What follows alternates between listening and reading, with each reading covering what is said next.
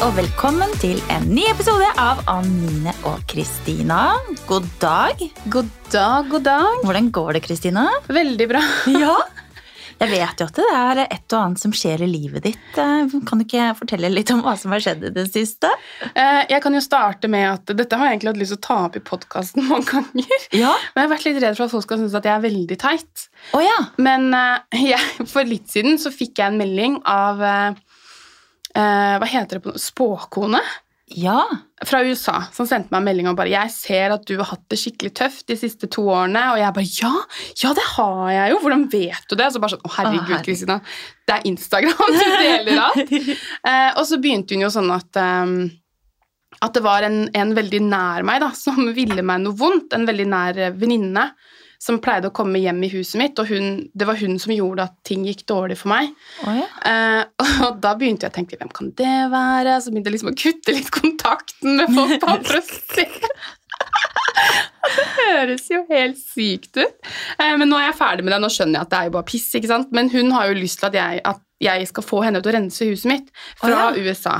Eh, at jeg skal betale henne, hva var det, 60 dollar eller et eller annet. Og jeg tør jo ikke å si nei, så jeg sier bare sånn, no, not now, maybe later, ikke sant? Jeg tør ikke å blokke henne, jeg tør ikke gjøre noen ting, for jeg er så redd for at hun skal kaste en slags eh, Men altså, seriøst. Det går jo ikke an å kaste en spell over you. Hun bor i USA, og så skal Ja, hun men liksom tenk om! Nei. Nei. Altså, jeg, er, jeg tror på mye rart, det, altså, men akkurat det tror jeg ikke noe på. Hun sender meg sånne filmsnutter at hun tenner lys og sånn på meg. Fy fader, er det mulig? Ja, det er helt sant. Herregud. Jeg begynner faktisk å gråte litt, for jeg ler så fælt. Men nei, så kanskje jeg bare skal blokke henne, da. Komme meg videre i livet uten Ja. å være redd for at jeg skal få en eh, en spell over me. Men Har du opplevd noe action i det siste, eller? Eh, Ikke like mye som meg, kanskje? Nei. Har jeg opplevd noe action? Nei, jeg har faktisk ikke det. Ikke en dritt. Nei. Kjedelig. Jeg skal på date neste helg, jeg. Oi, Mm, faktisk. så spennende. Ja, det blir gøy. Da så spør han om eh, hva han synes om puppene dine. Jeg skal gjøre det, det første jeg faktisk skal spørre om. Ja. Skal jeg si, Hvis du sier noe stygt nå, så henger jeg deg ut i podkasten. Ja. Pass på hva du sier. Nei da. Jeg bare tuller. Men uansett, da. Vi har jo faktisk med oss eh, en gjest i dag. Det har vi. Hun sitter her på siden og fniser. Ja. Av hvor rare, ja, hvor rare vi er. eh, ja. Så jeg tror vi bare sier ve- velkommen til Yvonne. Tusen takk. Du er jo eh, ei driftig dame. Det er hyggelig. Ja. Ja. Så vi har jo invitert deg hit i dag. Du driver jo noe som heter Vakre rom boligstyling.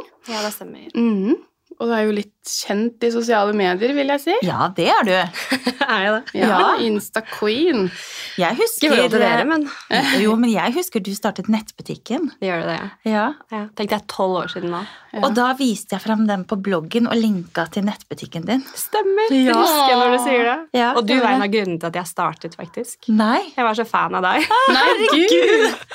Det Jeg er husker den koselig. mursteinveggen som du hadde hjemme. Så Ja. gikk jeg ut og kjøpte murstein og bare det skal jeg også gjøre. Å, så koselig. Ja, det er veldig hyggelig. Men Kan ikke du bare fortelle kort om deg selv, så de som hører på, vet eh, hvem du er? Yvonne heter jeg, og jeg driver jo da med boligstyling. Startet opp Vakre rom nettbutikk for tolv år siden. Kanskje det er det jeg på en måte er kjent i gåseøynene for. Mm. Jeg har to barn på 14 og 10, og en samboer. Så bor vi rett utenfor Oslo. Ja. Er det en kort oppsummering av meg? Jeg kan ikke si hvor gammel jeg er, ikke sant? Hvor gammel er du? Uff, 37. Men det ser altså ut som du er 30. Ja, takk. Ja, jeg trodde ikke du var så gammel. Skinnet bedrar, vet du. Ja, Åh, veldig ung fresh. mann, da. Ja, ja, Jeg er ett år yngre, da. ja. Ett år yngre. Det hørtes ut som du var sånn der eh, Ja, Hva ja. heter det? Cougar? Ja, Jeg er sånn 20 år, ja. Det hadde vært litt gøy, faktisk. ja det er det. Kan Ja. du teste det òg? Ja, kanskje det. Det er litt seint nå. Ja. Bytte ut han. Men da har vi egentlig hørt litt om hva du har drevet med og sånn, da. Men eh, du sendte meg jo faktisk eh, noen eh, notater. Mm. Og eh, for et liv. Ja, takk. Ja, rett og slett. Du har opplevd eh, litt av hvert, egentlig. Ja. Eh, mye. ja, og en ting som jeg har hatt veldig lyst til å prate med deg om, er jo noe av det som jeg tror er det tøffeste man kan gå gjennom, er jo en konkurs. Mm. Eh, For du drev jo da Vakre Rom nettbutikk. Ja. Den gikk jo kjempebra. ja, utad gjorde den det. Men hva Ja. skjedde? Kan du fortelle? Det har jeg egentlig aldri fortalt. Fordi eh, folk vet jo på en måte at jeg gikk konkurs, for det var uunngåelig når du var så synlig på sosiale medier. Hadde en veldig stor Instagram-konto. Mm. Og så gikk jeg konkurs, og da forsvant jeg litt under jorda og tenkte at åh, dette orker jeg ikke å pirke borti, for det var så ubehagelig. Mm. Men eh, utad så gikk det jo veldig bra. Nettbutikken gikk egentlig bra. Vi omsatte bra. Men eh, bak i kulissene så var det på en måte mye Det var mye som gikk gærent, da. Og eh, det var veldig tøft. Ehm, og jeg så vel på en måte ganske lenge at ok, dette, dette kommer kanskje ikke til å gå. Men jeg var så desperat etter å få det til. for Jeg hadde ofret så vanvittig mye for å komme dit. da Mm. nattesøvn og forholdet mitt, barna mine. Jeg brukte vanvittig mye tid på å bygge det opp. Mm. Det var liksom eh, babyen min. på en Ja. måte. Mm. Så når jeg så at det ikke gikk veien, så ble jeg på en måte så desperat at jeg tok veldig mange dårlige valg helt til slutten. Det har jeg ikke fortalt til noen, Åh. men eh, Jeg får helt sånn frysninger. ja. Nei, helt eh, på slutten jeg på en måte så at ok, dette, dette går kanskje ikke. Vi skylder mye penger nå. Mm. Drev du Det- deg alene? Ja, Ja. Eller I starten så hadde jeg en investor som investerte 150 000, eh, og så han kjøpte jeg ut etter tre år. Så etter det så var det på en måte bare meg, da. Mm. På godt og vondt. Ja. Vi hadde på en måte ingen å lene ansvaret på. Så det var på en måte bare meg, da. Det var bare meg selv å skylde på når det ikke gikk veien. Så helt på tampen, det var kanskje ja, mellom et halvt år og et år før vi på en måte gikk konkurs, så ble jeg så desperat. Så jeg tok opp masse privat lån Oi. eh, bak ryggen på kjæresten min Mm. og putta pengene inn. Og tenkte at åh, ok, men dette løser seg jo. Ja. Nå har vi frisk kapital, de pengene får jo jeg tilbake. Det skjedde jo ikke, for vi, vi gikk konkurs. Mm. eh, Og jeg tapte alle sparepengene mine. Mm. Det var vel rundt en million da. Å, Uff, det er tøft. Skyhøye renter. herregud. Mm. Og han fant jo ut av det, selvfølgelig. Ja. Eh, Forholdet vårt var ikke akkurat kanskje på det beste stedet da. Og så skjedde dette på toppen, og jeg hadde jo nesten bare vært på jobb. Ofra alt for egentlig ingenting, da. Mm. Plutselig satt jeg inn der, og ja, firmaet gikk ikke. Og jeg så på en måte ingen utvei, egentlig. Mm. Her jeg ofra alt for ingenting. Så var det vel tre måneder før kroken på døra Gråter du? Ja. Jeg sitter med tårer, men jeg, jeg er litt sånn ute av det i dag. Jeg er Ja. skikkelig følsom. Jeg, vet ikke. Ja. jeg skulle nesten tro at jeg var gravid, men jeg er ikke det. Altså. Ja, men det er tøft, da. En konkurs Ja. Mm. er, eh, er kjempetøft. Ja, det er beintøft. Og så tenkte jeg at ok, vi gir det et siste forsøk. Vi prøver noe nytt. Vi starter opp med boligstyling, og så får vi et bein til å stå på. Det var tre måneder før konkursen. Og så gikk det egentlig over all forventning. Vi tenkte egentlig at det skulle være en sånn sideinntekt, men ballen begynte å rulle veldig veldig fort. Og vi gikk ut til meglere og bare hei, hei, vi har begynt med boligstyling. Fem år siden så var ikke boligstyling det det er nå. Det var på en måte ikke så vanlig, det var ikke så høy konkurranse. Eh, og til på en måte vår overraskelse så var folk veldig positive. Det er sånn, å, men er det ikke du som har den kjente nettbutikken? Ja, Mm. vi er kjempeinteressert i å jobbe med dere. Så den første uken vi var ute hos meglere, så fikk vi fem oppdrag. Oi! Og vi på en måte, vi kjørte jo litt den fake it till you make it, så vi hadde Mm, ja. jo ikke møbler. Vi hadde ingenting på lager. Nei. Og vi bare, ja, ja, vi kan gjøre styling om en uke, det er ikke noe problem. Mm. Shit, hvordan løser vi det her? Ja. Så vi lånte penger. Jeg og hun som jobbet hos meg da, vi endte opp med å starte firma sammen. 50-50 i boligstylingen. Og så kjøpte vi møbler og begynte å style, og klarte første uka å fullstyle fem leiligheter.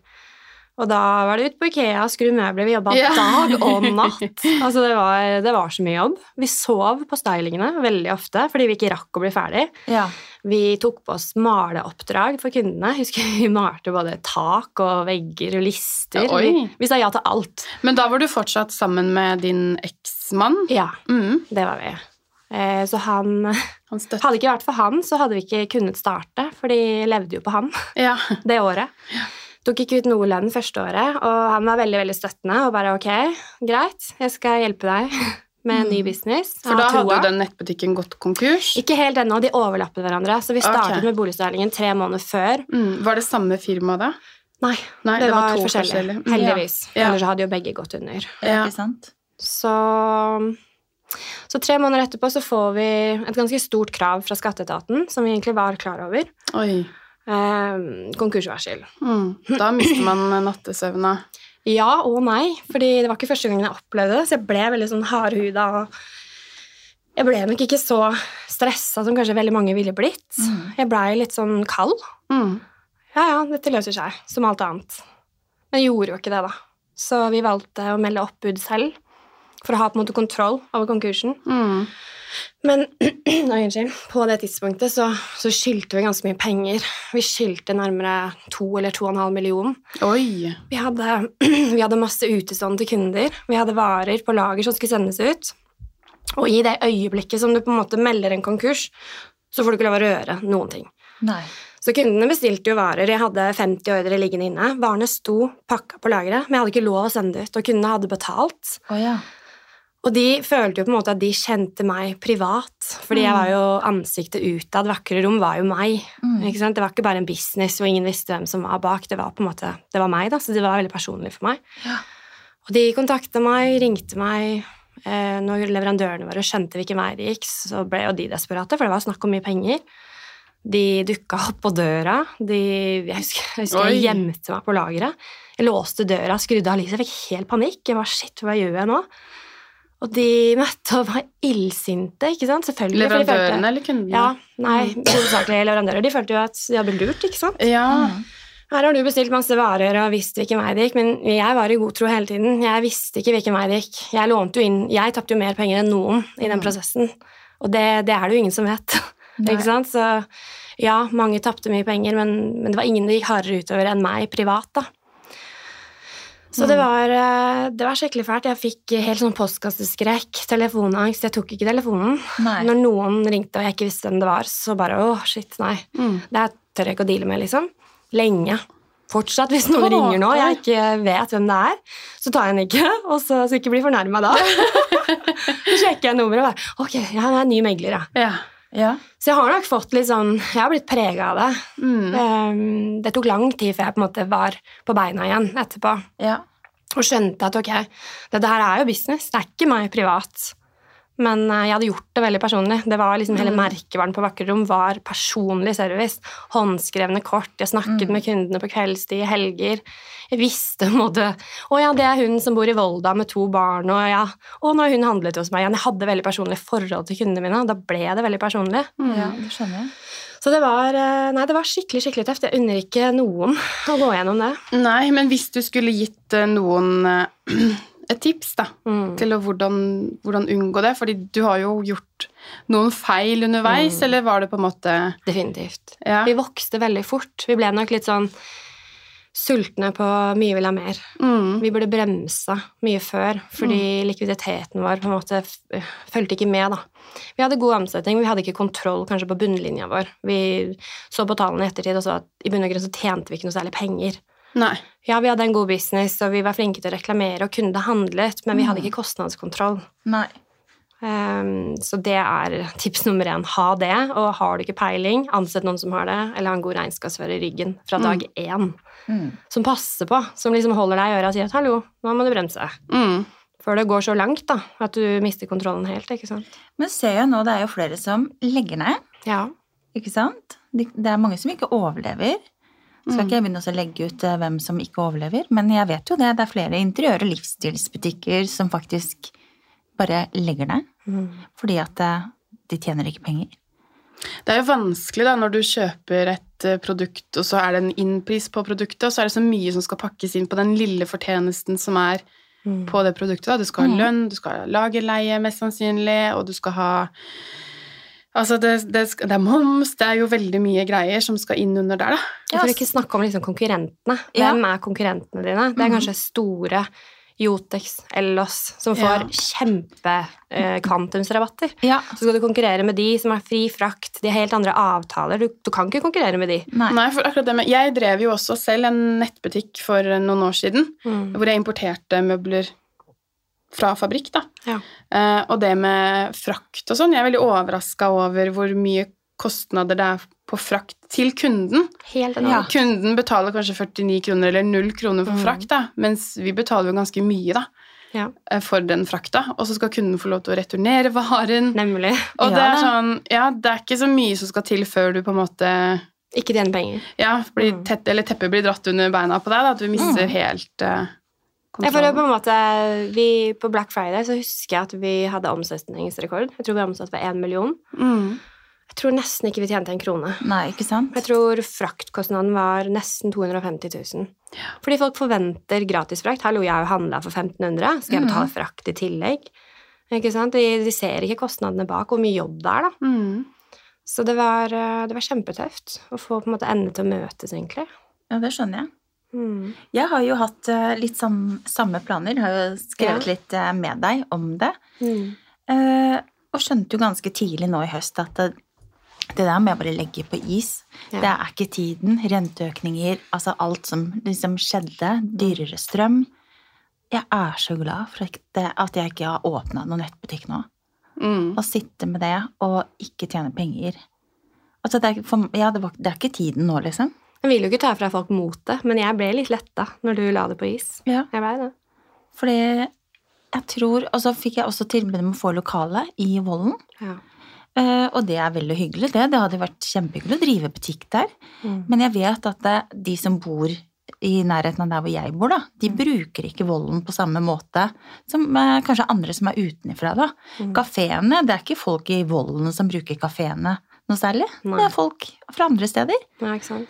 Så det å liksom få folk ut dit Det er ikke nok butikker til at det liksom blir en destinasjon. Nei. At eh, du, vi drar dit fordi der har de både den klesbutikken, det og det og det og det. Da drar man heller på et senter, ikke sant. Mm. Så ja, takk Det er og veldig lov. synd at eh, det har blitt sånn. For Mhm. før så handlet man jo veldig lokalt, Ja, men eh, med konkurranse på nett og sånn som du sier av de store butikkene, Jotex og sånn. Mm. Så jeg kunne heller aldri startet noen nå fysisk butikk eller en nettbutikk med et varelager. Det, det funker jo ikke. Nei, men tenk også nå, så er vi så vant til at alt er på salg hele tiden. Ja. Er det ikke salg i alle butikker hele tiden? Så blir det sånn, hæ, er det full pris? ja, Ja. vet du hva? Men jeg ble helt overrasket, for det er jo en av interiørbutikkene som jeg pleier å handle ganske mye i. Eh, og der er det jo alltid sånn 50 på gardiner og pynteputer. Og da er det liksom én ting som de har salg på da, ikke sant? Mm. Men så gikk jeg nå, så det, det var pynteputer, lykter, eh, gardiner Jeg skjønner med eh, en gang hvilken butikk du eh, prater ja, ja. om. Og det, altså, det, eh, på baderomsartikler, halv pris på sengesett. Og jeg Altså, skjønner alt ikke. var Men på jeg, salg. Mm. når jeg går dit da, eh, hvis jeg skal handle meg nytt sengetøy, hvis det ikke er på halv pris, så handler jo ikke jeg sengetøy. Nei. Denne venter til det kommer på Du, halv pris. ja, du, du handler jo ikke på Og så halv pris. mister jo butikken litt integriteten sin, eller? Ja. Fordi at du vet jo på en måte at ok, det er såpass margin at Mm. de kan selge med 50 hele tiden. Og tjener penger. Da har man jo ikke lyst til å handle til full pris. Nei, det, men det må jo være at de tjener penger på det at eh, Ok, du kjøper den pynteputa på halv pris, men eh, Mm. du plukker gjerne med deg noe annet, da. Ja, mest sannsynlig. Noe Til er full det jo, da. pris. Ja, ja Men- et eller annet. Jeg vet ikke hvordan de får det til. Men jeg må si det at eh, jeg foretrekker å gå på en annen butikk som er litt sånn samme eh, Samme stil, da, om man kan si det sånn. Som Da har vet jeg mye- også hvilken butikk du prater om. ja, du vet det. Som liksom har mer sånne ting som jeg liker å ha på hytta og sånn. Mm. Eh, og heller gå dit og betale full pris for det. For at jeg synes kvaliteten der er bedre og finere enn hva man får på den andre butikken. Men der også er det rabatt, men den rabatten er bare litt mindre. ja, men, ja, men det er ikke alltid ting er på salg akkurat der, da. Nei. Altså, jeg- før så holdt de seg til ok, det var Black Friday. Vi Ja. hadde januarsalg. Ja, Og så kanskje et salg til, men nå er det på en måte Black Week, Black Month. Ja. Det er januarsalg frem til sommeren, og da er det sommersalg. ja. Så man blir jo litt sånn Alt Tar Mhm. det er ikke helt på på salg. alvor? Nei. Nei, jeg vet det. Jeg går jo nesten inn i butikken og sier sånn Hei, jeg skal ha det og det. Er det på tilbud? Nei, ok. Da snur jeg nesten og går. Ja. For du blir så vant til at det er rabatter på nesten alt hele tiden. da. Det bare rullerer, ikke sant? Veldig rart. Men du har jo kommet deg etter den konkursen. Du har startet et nytt firma, og du har, jeg håper jo at den gjelda du har fått, den har du jo sikkert brukt masse tid på å så bli kvitt, da. Ja. Men jeg er ikke kvitt den. Nei, du er ikke det? Men det er, eh, nå har jeg ikke så lang tid igjen. Nå ser jeg på en måte enden på det. Ja. Så det er første gang på lenge. Én million er mye penger Ja. å skylde når det ikke er boliglån, på en måte. Ja, og det der har du jo aldri gått ut Jeg, har jo, s- jeg følger deg jo Altså, vi kjenner jo hverandre, vi jobber jo litt sammen. Ja. Men eh, folk eh, er veldig på å spørre deg om du har kjøpt deg hus eller kjøpt deg leilighet, og folk er så nysgjerrige på det. Det har vært et sårt tema. Ja, veldig, og det forstår jeg jo, og det syns jeg liksom det er ufint at folk spør om i det hele tatt, men Mm. Mm. jeg håper kanskje nå folk forstår at eh, ja, men du har jo Altså, du har jobba ræva av deg, da, for å så Mm. kunne få til det etter hvert. Ja, jeg har det. Så um, det på en måte sa seg litt selv når jeg brukte opp all egenkapitalen. ok, Sto jeg på en måte litt på bar bakke, da. Men jeg hadde jo en samboer som var pappaen til barna mine. Jeg lente meg veldig på han etter konkursen. Um, Jobba døgnet rundt det første året med boligsterningen. Jeg tror nesten ikke jeg var hjemme. Jeg var bare hjemom. Jeg leverte ikke på skolen, jeg lagde ikke middag. Det er Jeg- så tøft, det der. Jeg- Det er så beundringsverdig at du på en Både måte- og. Ja, men at du står i det. Fordi jeg vet hvor mye jobb en boligstyling er. Ja, du har jo drevet med det, du òg. Ja da, jeg har vært innom det òg, Mm. jeg. Eh, Mhm. Er og som en jeg potet, kan brukes til alt. ja, ja, men jeg tjente jo ikke penger på det. Nei. Eh, Fordi at eh, man har jo da utgifter til alt man skal- alt man skal handle inn, og sitte med det varelageret, og så har man utgift på lageret, og så må man ha noen som kommer og henter varene og frakter det, og tilbake, og så er det pressa på pris, ikke sant? Så sum summarum så var det bare gratis jobbing. Mm. Ja, ikke sant. Og det fant jeg jo ut etter hvert, at det er jo ikke noe det er ikke noe vits i å holde på med det. her. Nei. Og det var det jeg var så redd for, da. fordi jeg følte at ok, nå har jeg misligges én gang. Det skal søren meg ikke skje igjen. Mm. Så jeg skal gjøre alt jeg kan for å få det firmaet her opp og gå, koste hva det koste vil. Og det kosta meg jo forholdet mitt. Ja. Så et år etterpå, det var jo ikke bare derfor, men da var det på en måte kroken på døra. Vi gikk fra hverandre etter 15 år. Og sto der alene, da. Uten nesten penger på konto. Å, Gud. Eh, og bare shit, nå er jeg helt alene. Første gang nesten i livet. Mm. Jeg har to barn jeg har ansvar for. Jeg har et relativt nyoppstarta firma som jeg ikke har tatt ut en eneste lønning fra. Og nå skal jeg bare flytte for meg selv. Alene. Ja. ja. I en alder av ganske voksen. Så det Ja, det var beintøft, det òg. Det er fire år siden nå. Mm. Men det gikk bra, da. Ja. Hvor Ja. gammel var du når dere ble sammen? 18. 18, ja, så det er jo Så jeg kjenner jo nesten ikke livet ikke sant, uten Nei. han, på en måte. Nei. Men, eh, vi vokste opp sammen og fikk barn tidlig, da. Mm. Starta firma. Han hadde sitt eget firma. Vi jobbet veldig mye. Mm. vi støtta hverandre veldig mye, så det var godt å på en måte ha en Jeg kunne lene meg veldig mye på han, men forholdet mellom oss ble mer og mer vennskapelig fordi vi prioriterte ikke kjærligheten. Den på en måte døde litt ut. Mm. Det ble jobb og firma, meg og mitt, mm. ikke så mye oss. Mm. Og så blei det slutt. Flytta for meg selv. Og Singel Yvonne. ja, første gang i livet. Ja. Det, det var woho! Det Det var gøy, det. Ja, det var veldig gøy. Det varte ikke så lenge, da. Nei, fordi etter en eh, liten stund så sveipa du på Mattis. Ja, men det ja, det var ikke helt det som skjedde. Skal dere ha hele den historien? da? Ja, jeg, jeg vet ikke. Jeg har jo den historien, men vi kan godt dele den. Eh, Ja. det er litt morsomt, da.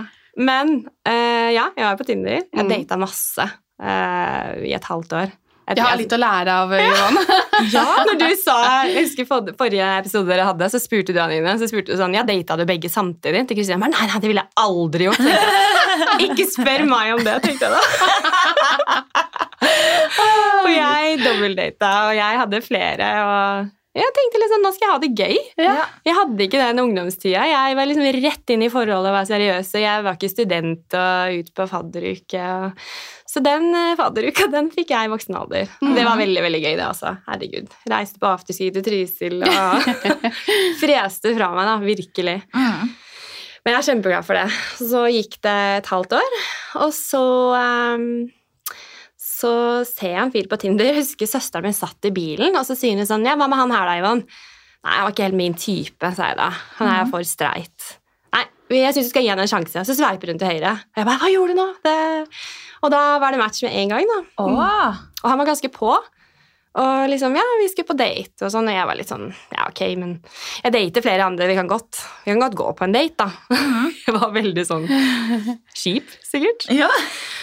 Og så hadde jeg vært i Albania med barna i to uker, og det var liksom første sommeren hvor vi skulle dele ferie. Så det var litt tøft. Når jeg kom hjem og ungene skulle til pappaen sin, da spør han om vi skal møtes. Jeg var liksom, ok, jeg har ikke noe, har ikke noe for det. Så jeg... Eh, Ja, Eh, nå, sorry. du glemmer å filme, Å ja. så nå må, vi kli, nå må vi klippe. Jeg har skrudd av telefonen min, for jeg får så mye meldinger, skjønner du. Å ja. Men eh, ok, da, da, jeg fikser det. Da Ja, må Vi vi bare klippe. Eh. klipper. Ja, Så kom du hjem fra Albania. Og så går vi ut på date.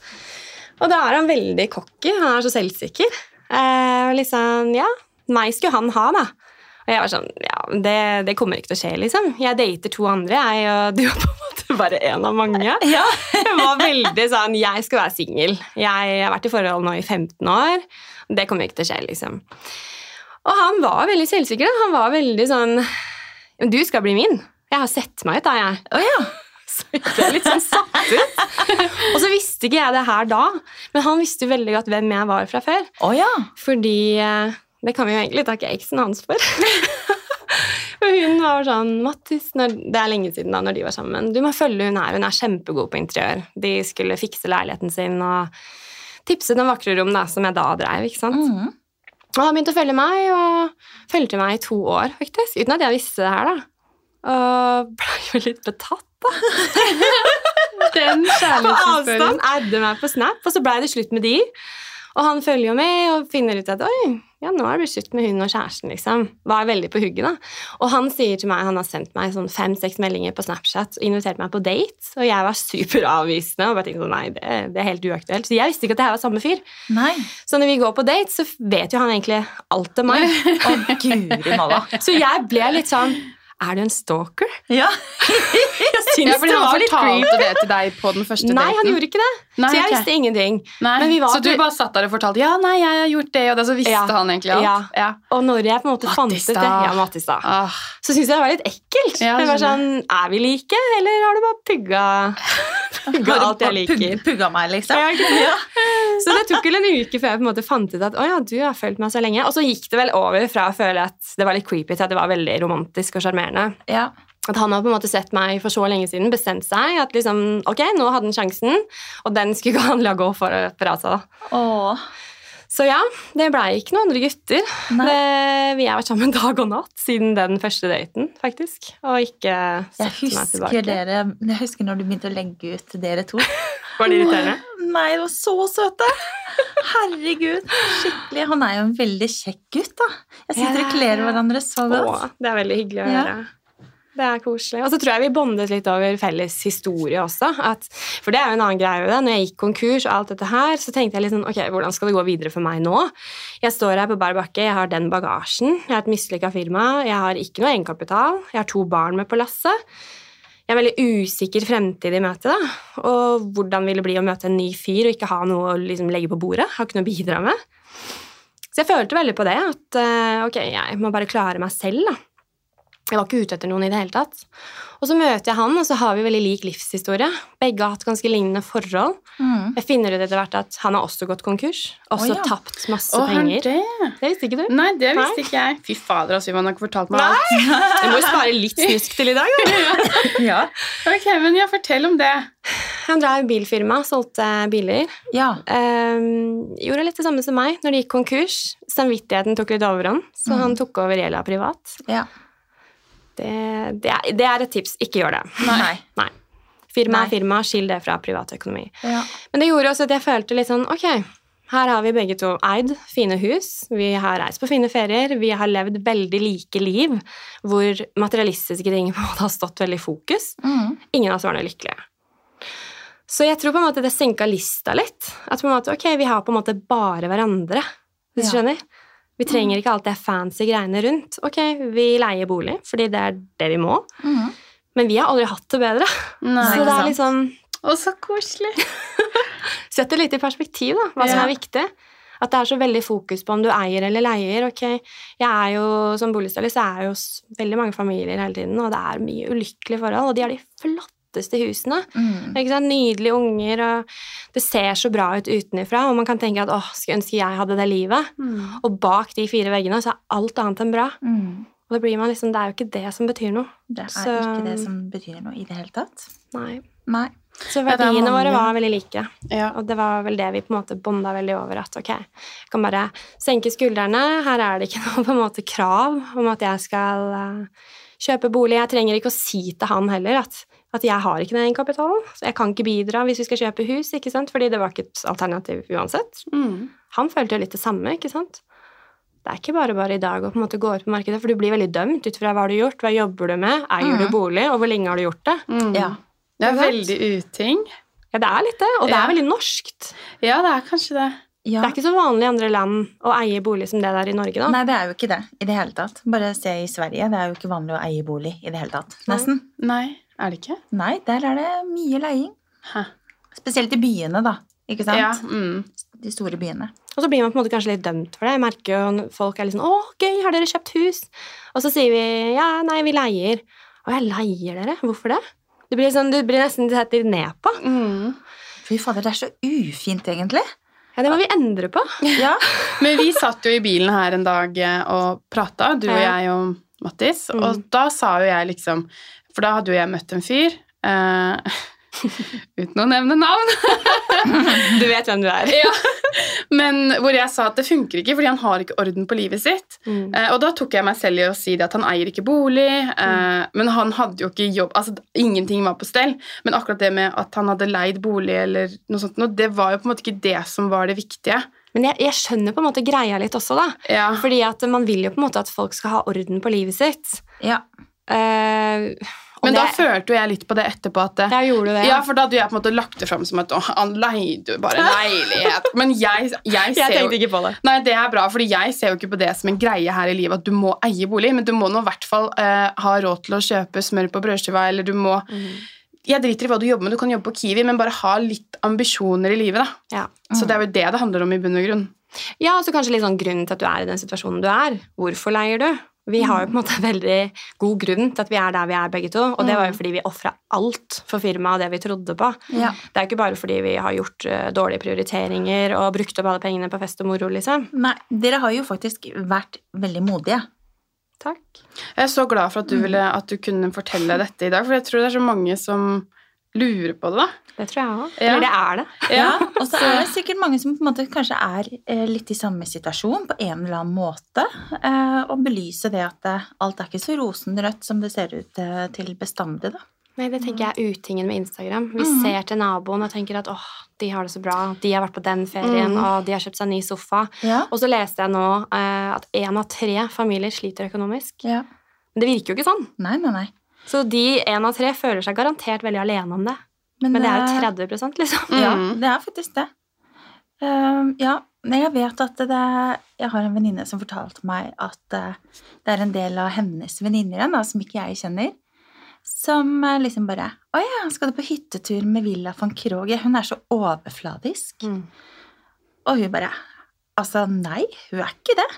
Hun bare, Hun er så materialistisk og overfladisk. Og det er liksom det, det, er det folk liksom tenker om meg. Det har du fått høre mye, du. Har du ikke det? Veldig mye. Mm. At jeg er veldig overfladisk. Jeg har jo fått en kjempelang mail også av en som bare «Fy fader, kom deg ned fra den høye hesten. Lyks, lyks, lyks. Jeg bare Fuck you, liksom. Men tror du ikke det er litt sånn at folk Når du på en måte deler på Instagram, og så velger du hva du deler, fordi det er jo forskjell på å være personlig og privat. Ja. Og hvis du ikke er privat, så føler folk at de vet ikke nok om livet ditt, og da på en måte kritiserer deg istedenfor. ikke sant? Men de må jo så forstå for at man vil jo ikke legge ut alt privat hele tiden. Men man kan jo Så ikke sårbar man blir da. det. Mm.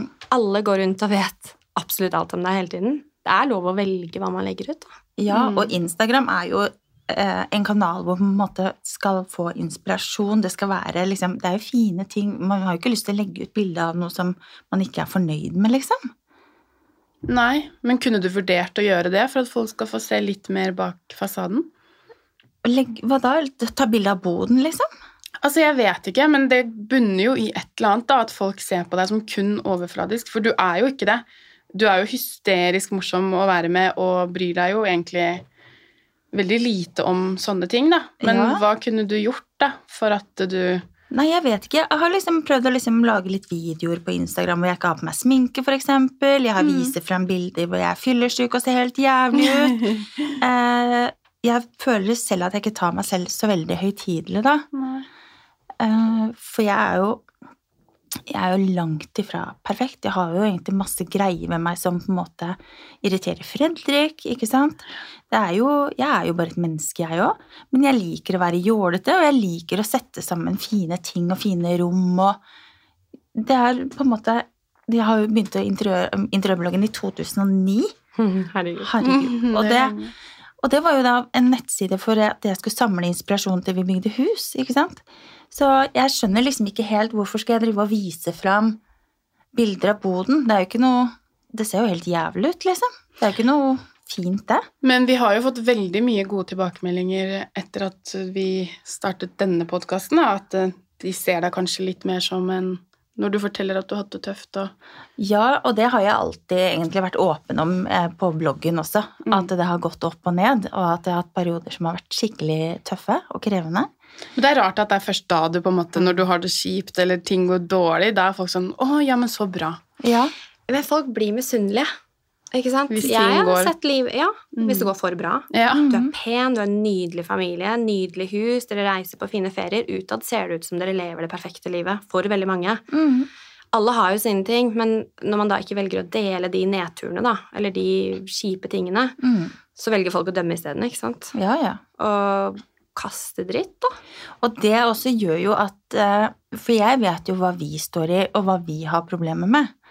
Eh, Men det er jo ikke noe jeg snakker med hvermannsen om, og det er jo ikke Altså, det er, alle har jo ikke noe med det å gjøre uansett. Eh, Men når folk liksom sier at jeg er overfladisk og Altså, de kommer med så mye stygge ting. Da kjenner jeg at jeg blir lei meg, for jeg, jeg kan ikke Jeg kjenner ikke meg selv som det i det hele tatt. Hva Mm. svarer du da når du får sånne meldinger? Drit Klarer du og å holde dra. deg rolig, liksom? Jeg vet du hva, jeg, jeg, jeg har fått så mye dritt jeg, at dere, jeg, dere, vil ikke- altså, dere vil ikke tro det, liksom. Nei, Jeg var ikke klar over at det var så ille, faktisk. Nei. Nei, du har fått litt, ja. Nei, vi er stygge Ja. med hverandre, og jenter er verst. Jeg veit det. Nå ble Janine veldig lei seg. Men det er ingen som fortjener å, å få dritt fra folk man ikke kjenner. Nei.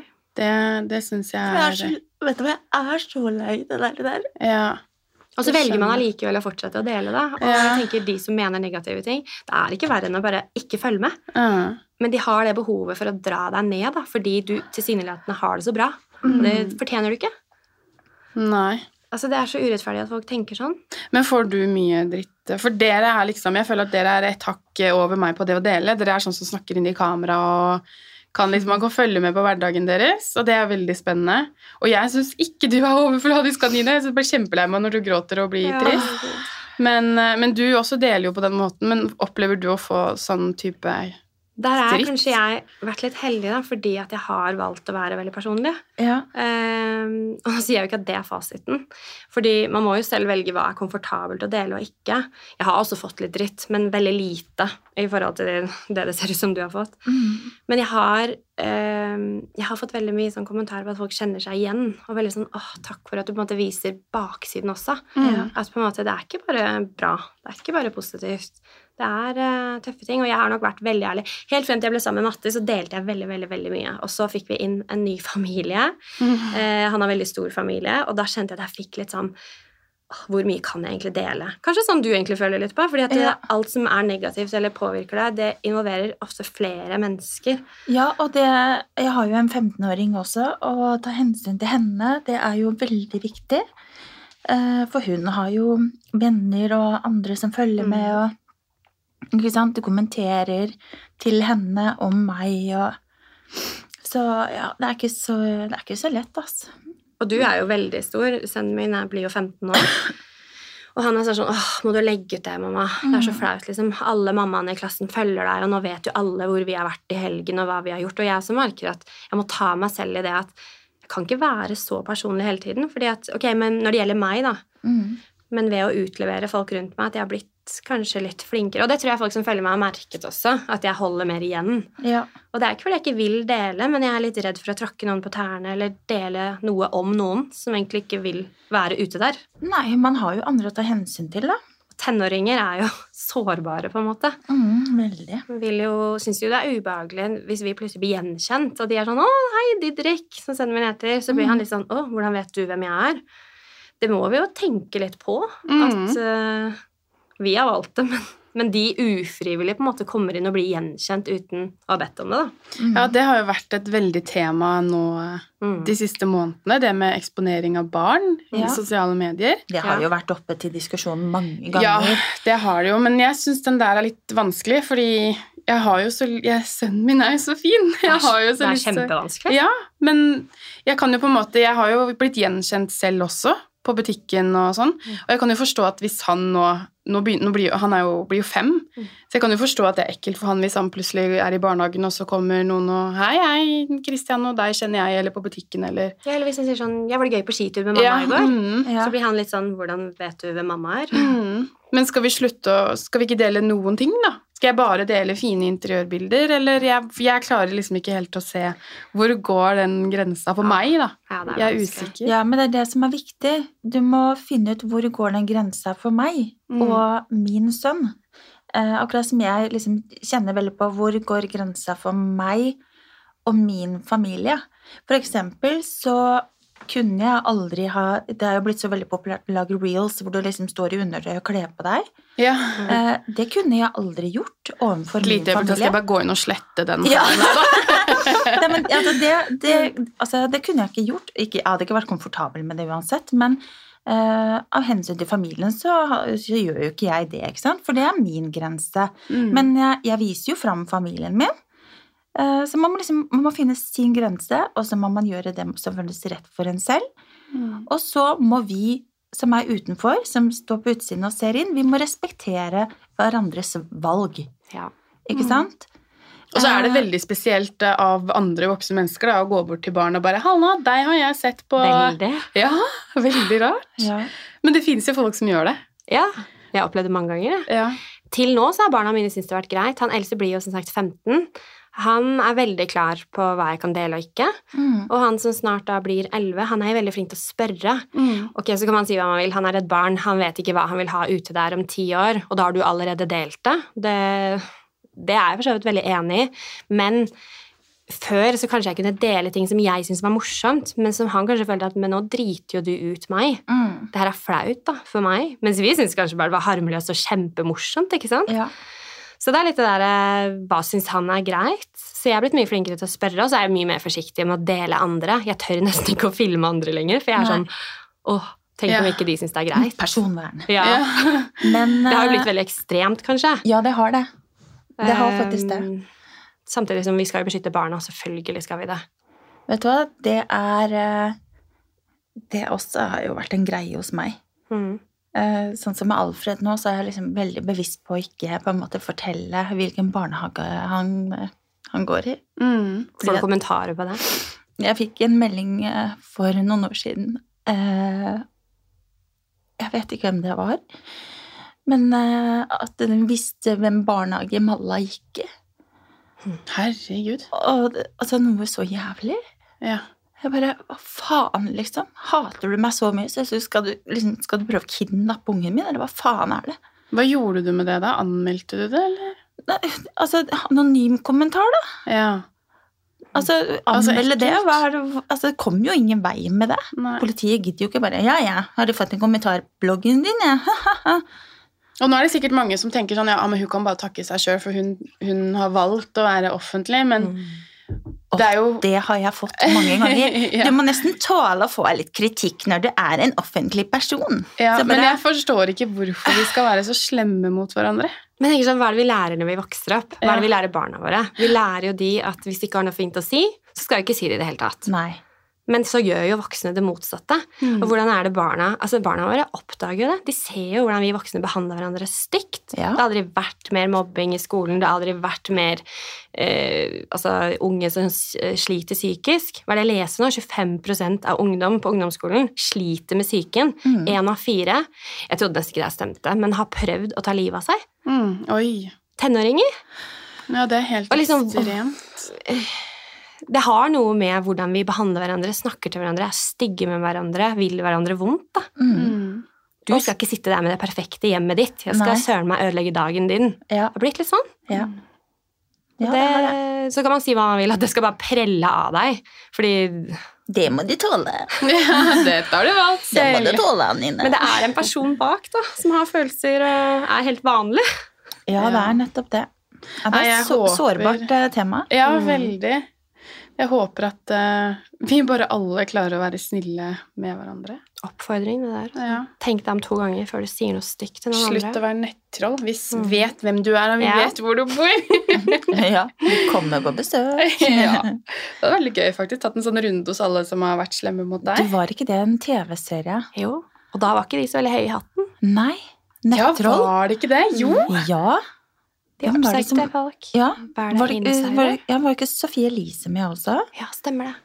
Dritkult. Det skal jeg faktisk se på igjen. Det Ja. er stor forskjell å sitte bak en dataskjerm eller en mobiltelefon og skrive anonymt. Det er jo så feigt Mm. å ikke tørre å si det face to face. Hvor mye kritikk får du face to face? Hvor mange kommer bort til deg på butikken og sier sånn Du, jeg syns du er skikkelig overfladisk, Anine. Det gjør de ikke. Nei. Nei. Jeg Men tør dem de, ikke. det finnes jo så mange mennesker som oppretter eh, kontoer på Instagram kun for å sitte og slenge dritt, Mm. som er Ja. falske kontoer, da. Fordi de ikke tør å, å si det med sitt eget navn. Men eh, det å liksom Hvordan voksne mennesker også Hvordan voksne mennesker kanskje sitter ved middagsbordet og Mm. snakker dritt om den andre familien. Mm. Altså Ikke sant? De får jo med Ja. seg Jeg vet f.eks. at det er en familie i Vollen som ikke tåler trynet på meg og Fredrik. Eh, Det er jo fordi at datteren deres kjenner jo datteren min, og hun har sagt det til datteren min, så Ikke sant? Mm. Mamma og pappa liker ikke moren og faren din. Ok. Vi tåler ikke, liksom. Ok. Voksne mennesker. Ja. Og sitter de og snakker om oss ved middagsbordet, ikke sant? Mm. Ja, da lærer du jo barna dine å være på samme måte. da. Ja, og, Det er jo de barna som blir mobbere. Mm. Ja, og, og hun er jo kanskje også i den samme kategorien. Hun begynner liksom å være litt der, hun også. Det er Ja. veldig trist. Fordi man tar jo etter foreldrene sine. Man skal på en måte gå foran som gode eksempler. Mm. Uff, nei, nå sporer vi helt av her. Det er et Veldig trist tema. Men jeg har lyst til å snakke Ja. Mm. om noe hyggelig, og det er jo at Yvonne sitter der og har en baby i magen. Ja. Du sitter og griner. Det er nesten det renner over her òg. Ah, De prego-hormonene. ja, jeg tror, jeg, har, jeg tror det smitter over på meg, de Ja. hormonene. i det. I dag har jeg grått eh, ved flere anledninger. Sånn er det bare. Ja. Eh, I dag starta vi dagen på en litt kjip måte, så det er Ja, sikkert vi gjorde derfor. Mm. Ja. Så Men eh, at du er gravid, er ikke kjipt, da. og det er veldig og, koselig. og når du la ut nå sist at du var gravid igjen, og jeg ble så glad. Jeg fikk gåsehud, og jeg ble helt Altså, jeg ble så Mm. rørt. Åh. Mm. Men kan vi snakke litt om det, for du har jo Ja. vært litt av en reise ditt, og det er sikkert mange som kan kjenne seg igjen i det. Ja, og der har jeg valgt å være ærlig og åpen, da, fordi jeg fant så lite informasjon om det selv. Mm. Ja.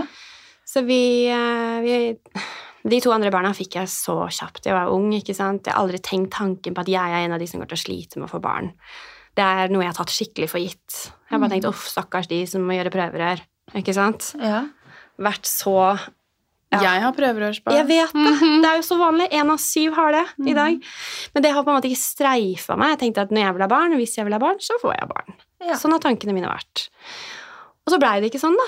Jeg møtte en ny, han hadde lyst på barn, og jeg tenkte ja, det går sikkert fort. Mhm. Men så blei jeg ikke gravid.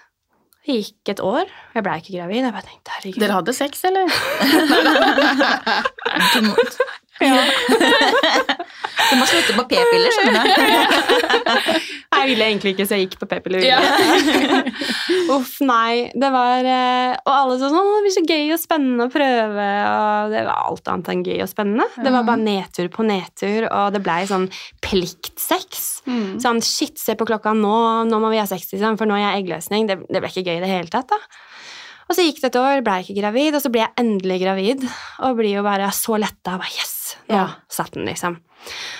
Og så er jeg gravid, og vi går på tidlig ultralyd, får se hjertet slår, hva var det, uke seks eller syv, alt ser bra ut, og vi bare ok, da kan vi slappe av, liksom. Og så husker jeg ikke helt hvorfor, men det var vel hun eh, sa at hun så så lite på ultralyden. Må gjerne komme tilbake om to uker, så får du en ny gratis ultralyd. Det var sånn privat, ikke sant? Ja. Oi! Og det var jo sikkert fordi hun kanskje så at hm, her kanskje ikke det Ja. vokser helt som det skal. Jeg vet Mm. ikke det, da. Og når vi da kom etter to uker, det var jo uke ni, veldig tidlig, da, så var det jo ikke noe liv der. Nei. Og det var, det var så hardt. Det var sånn, Jeg ble så eh, på en måte Det var skikkelig Man bare får en knyttneve rett i fleisen. Så jeg gikk skikkelig i kjelleren, egentlig. Og så gikk jo det på en måte sin gang, da. Og jeg blei jo gravid igjen etter en stund. Det var vel et halvt års tid. Mhm. Og da var jeg veldig redd. Da tenkte jeg åh, shit. Er jeg trygg? Kommer det til å skje igjen? Vi tok tidlig ultralyd da også, men vi ventet til uke ni, for vi hørte Ja. at da er du litt mer safe. Alt så bra ut. Mhm. Eh, og så drar vi på ferie. Vi er i eh, Frankrike i to uker midt på sommeren. Jeg var kjempedårlig. Det var så vidt vi kom oss av gårde. Jeg klarte nesten ikke å sitte i bilen. Altså, vi klarte å kjøre ned dit, så Mm. dårlig som jeg var. Og jeg begynte å få mage, og liksom Tanken slo meg ikke engang. At noe skulle være galt, på en måte. Og vi reiste videre på ferie med familien min i Sverige, og så bare får jeg liksom dårlig følelse. Mm. At liksom, det er et eller annet som ikke stemmer. Jeg kan ikke sette fingeren på hva det var, for jeg hadde fått mage. Jeg var, da var jeg vel 12 eller 13 uker. Og så begynte jeg å blø sånn bitte, bitte, bitte litt. Det var nesten ingenting. Ehm, Men jeg bare fikk sånn dårlig følelse at åh nei, nå skjer det igjen. Mm. Og så da måtte vi kjempe på en måte for å komme inn på sykehuset for å liksom få en ultralyd og få sjekke. For en vanlig spontanabort den går jo på en måte sin gang. Mm. Da er det jo ikke noe tvil. Du blør, og den- ikke sant? det avslutter seg selv. Men omsider så kommer vi inn på sykehuset, får tatt en ultralyd og finner ut at åh, nå har hjertet sluttet å slå, da, igjen. Og uke 12 eller 13. Så Mhm. det var jo på en måte ganske sent, og vi var sånn, vi skulle endelig annonsere det. To Mm. dager etterpå hadde vi tenkt at å, nå kan vi legge det ut på Instagram, ikke sant, nå er vi safe. Og det som var så ekkelt, var at hun sa sånn, ja, men, men den babyen har vært død i tre uker. Å, fytti katta. Når vi var i Frankrike, jeg var så dårlig, Mm. eh, da var jeg ikke gravid lenger. Så det var skikkelig sånn her, jeg bare tenkte, herregud, kjenner jeg ikke kroppen min i det hele tatt? Mm. Jeg ble skikkelig satt ut. Jeg ble skikkelig slått i bakken av det. Det var, det var kjempetøft. Og jeg var innlagt på sykehuset der i ett døgn. Og kroppen min ville kanskje ikke skjønne da, at den ikke var gravid lenger. Så den klarte jo da ikke å få dette her ut. Nei. Så jeg måtte jo gå på masse medisiner. Det var kjempesmertefullt. Alle som har født, vet jo hvor vondt det var. Altså, det kan nesten sammenlignes. Det Ja. var nesten ikke vondt. Det var på en måte rier. Ja, men eh, du måtte få det ut på egen hånd, på en Ja, måte? Det på en måte ga sånne abortpiller. Syv stykker måtte jeg ha Å, for å Guri få land. det ut. Ja, for Oi. jeg gjorde ikke det. Jeg, jeg nekta jo plent. Du ville ikke det. Men hva gjorde du da? Nei, jeg bare sa at det skjer ikke. Så jeg ble lagt i narkose, og de Ja. tok det ut øh, mm. Jeg ville egentlig det, men da sa de at da minsker du sjansen for å bli gravid igjen. Mm. Åh. Og jeg var så redd da for at åh, hvis de da skulle skrape det ut, da, eller Ja. operere det ut. Det sa de ikke til meg, fordi hadde de gjort det, så hadde jo jeg sikkert gjort det samme. Ja. Ikke sant? Man er jo veldig sårbar, så du blir jo litt sånn leda i den avgjørelsen. Ja. Og det var Jeg vet ikke hvor mye detaljer jeg skal si, men fy fader, hvor makabert det er. Mhm. For det er sånn, her får du sånn bekken. Si fra når det kommer ut. Å, guri. Å, faen meg. Da ringer du på oss. Så Mm. Men da skal vi lå komme. du på sykehuset. Da lå jeg på sykehuset, og da, da sjekker de på en måte da, når det kommer ut, at på en måte fosteret er intakt, og at det er der. på en måte. De leter da i det som kommer ut. Altså, det er ganske makabert. Mm. Men så du på det selv? Ja, sånn så vidt, men eh, ikke så mye. Jeg For var da litt sånn- hadde jo den Det fosteret da hadde jo Mm. da eh, Hjertet hadde sluttet å slå når du var sånn ni uker på vei, da. ja, Mm. Da er det jo et bitte, bitte, bitte lite foster. du ser det hvis du ser nøye. Så nei, det var skikkelig det var skikkelig setback. Og Mm. da tenkte jeg bare sånn, kanskje det er noe galt med oss to. Kanskje vi ikke er en god match. Kanskje ikke er meningen at vi skal få barn sammen. Jeg ble litt sånn. Mm. For jeg er veldig sånn som tenker at det er en mening med alt som skjer. Så jeg begynte å lete etter mening med Ja. hva som skjedde. Hvorfor skjer dette med meg, liksom? Og så begynte jeg å google.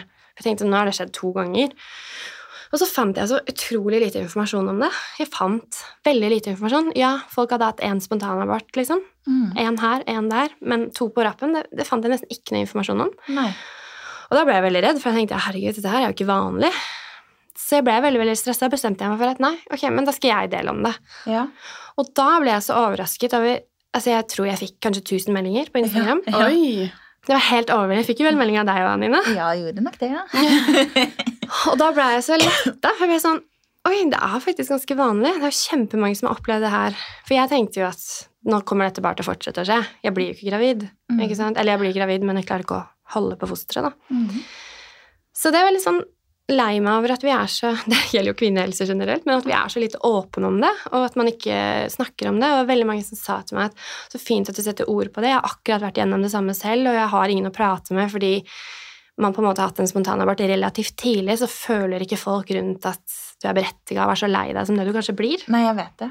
Det var litt sånn, det, er- Å det, ja, men bedre lykke neste gang. ja. Mm. Jeg var sønderknust. Ja, du var helt i kjelleren, det husker jeg. Skikkelig. Men dere hadde jo navn og alt. Ja, ja. Det var, jeg var i uke 13 da. Ja. Men eh, sånn i ettertid så har det på en måte Det har jo gått seg til, liksom. Og så har vi jo fått Alfred etter det. Mm. Så jeg tror det liksom hjelper litt. Men sånn som nå på morsdag, så, så tenkte jeg liksom på hvor heldig jeg er som har tre barn. Og at jeg liksom har fått akkurat de tre. Mm. Men så har jeg jo han, han som ikke kom, på en måte. Mm. Du Ja. tenker fortsatt på han. Mhm. Og det tror Mm. jeg ikke folk skjønner hvor tøft det der er. Det er ikke bare et lite frø i magen, på en måte, som Nei, ikke du har blei jo noe av. planlagt ganske mye rundt det, da. Du rekker å tenke veldig mye på tre Gleder deg. Mm. måneder, og når det ønsket er så sterkt, Mm. så er den sorgen mye større enn det mange innser, tror jeg. Ja, det er helt forferdelig. Det er helt grusomt. Og så Mm. følte jeg på en måte alle rundt kanskje var litt sånn ja, ja, men da, da går det bedre neste gang, da. Og så kanskje den verste kommentaren som jeg tenker sånn Ikke si det til noen som har mistet et barn eller et foster eller i uke åtte eller ni. Ikke si 'Hva bra det var så tidlig'. Ja. Ikke si det, for det har egentlig ingenting å si. Du kan bli like lei deg, tror jeg, om det er uke 8 eller 15. Ja. Mm. Det er Eh, og jeg sant, tror på det. en måte folk mener ikke noe vondt med det, men det føles veldig sånn ja, sårt. Ja, Som at du ikke har lov til å være lei deg da, fordi Ja. det var så tidlig. Fordi du på en måte er ikke et barn ennå. Du har ikke Nei. mistet et barn, men du har på en måte mistet en del av fremtidsdrømmen din. Mm. Ja. Og du går jo og tenker på han. Du, Mhm. du har jo navn på han. Du tenker at du har et barn i himmelen. Ja. Det skal folk tenke på. Det var uke 13. Vi var jo veldig likt. ja.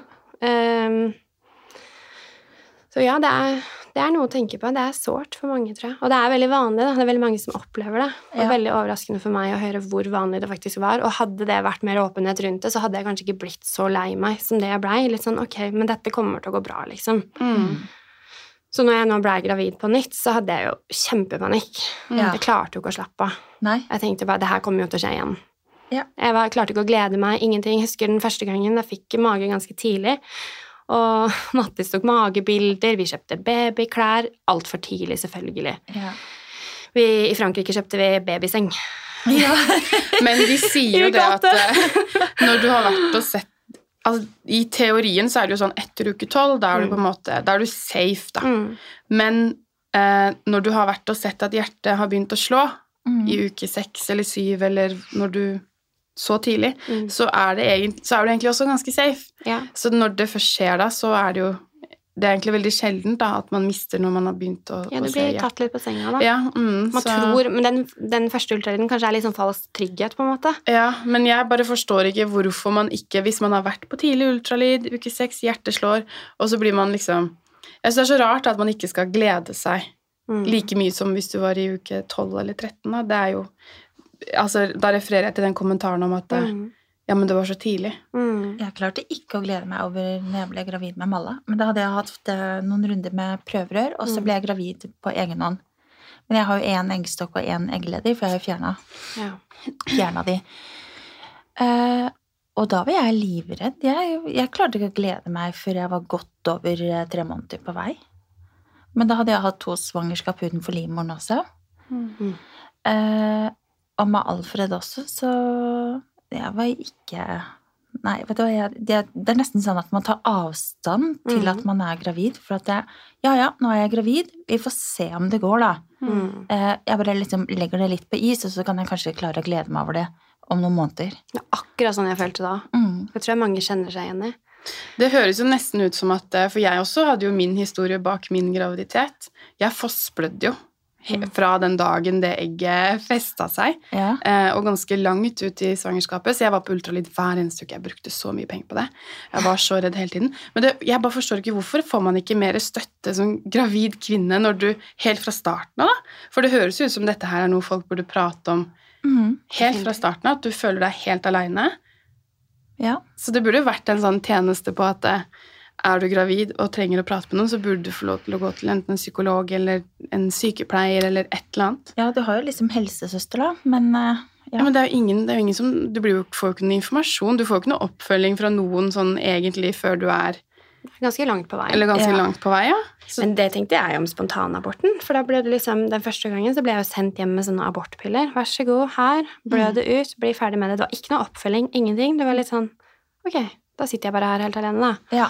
Og også etter den eh, siste aborten, som var på en måte relativt sent. da. Det er ikke noe oppfølging. Mm. Nei. Du er på en måte bare forventet at ok, kanskje du trenger en sykemelding i to dager, og så skal du være på beina og være som før. ja. Men det er man jo ikke. Nei. du får jo en Jeg var helt psykisk knust. knekk. Ja.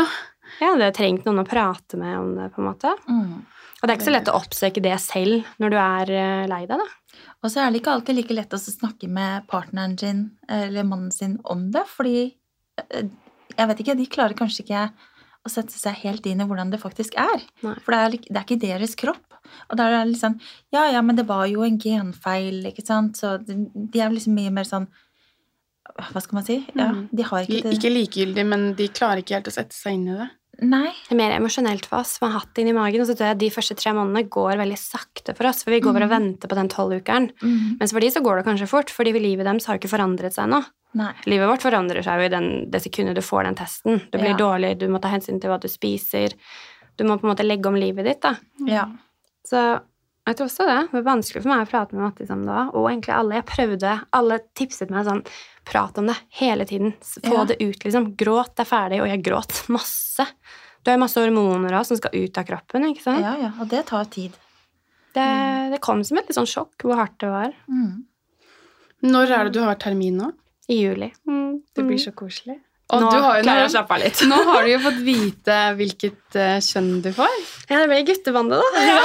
Du har to gutter fra før, og så får du enda en. Ja, så det, det er det bare å fortsette med Fifa og gaming og fotball og Guttemamma er stas. Men det er helt topp. Det Ja. er helt topp, faktisk. Han uh, yngste min nå, han ble kjempeglad.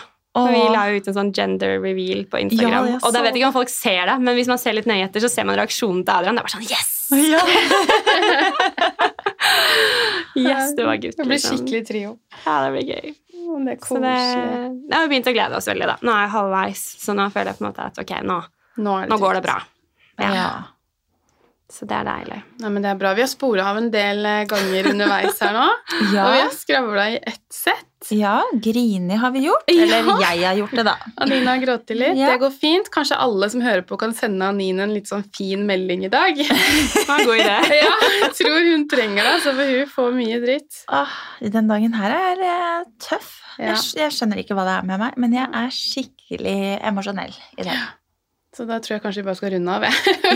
Jeg, jeg tror det før jeg begynner å grine igjen. Ja, jeg ser tårene Men presse på. eh, det var jo så koselig å ha deg i studio, eh, Yvonne. Det har vi jo snakket om før òg, men du, Mm. det er første gang i podkast. Ja, Jeg syns det det er gikk kjempebra. jeg. Jeg gjorde det. Ja. Ja, så bra. Det var veldig hyggelig å være her. Ja, Så tusen får du takk masse at du lykke kom. til med svangerskapet videre, og så gleder vi oss til å se den lille søtnosen etter hvert. Ja, du må dele masse på Instagram. Ja. Ja. og send Jeg må oss- jo det. Ja, må- ja, send oss snap. men kan jeg bare spørre, hvordan forhold, Har du tenkt å legge et bilde av han, eller er det sånn som skal dekke til med Nå som du på en måte starter på nytt igjen? Jeg må jo legge ut noe. Ja, Så vi får se noen bedre Ja. bilder. Ok, Ja. yes. Det er bra. Nei, men det er bra, Da runder vi av, så sier vi tusen takk. Takk for i dag. Ha det!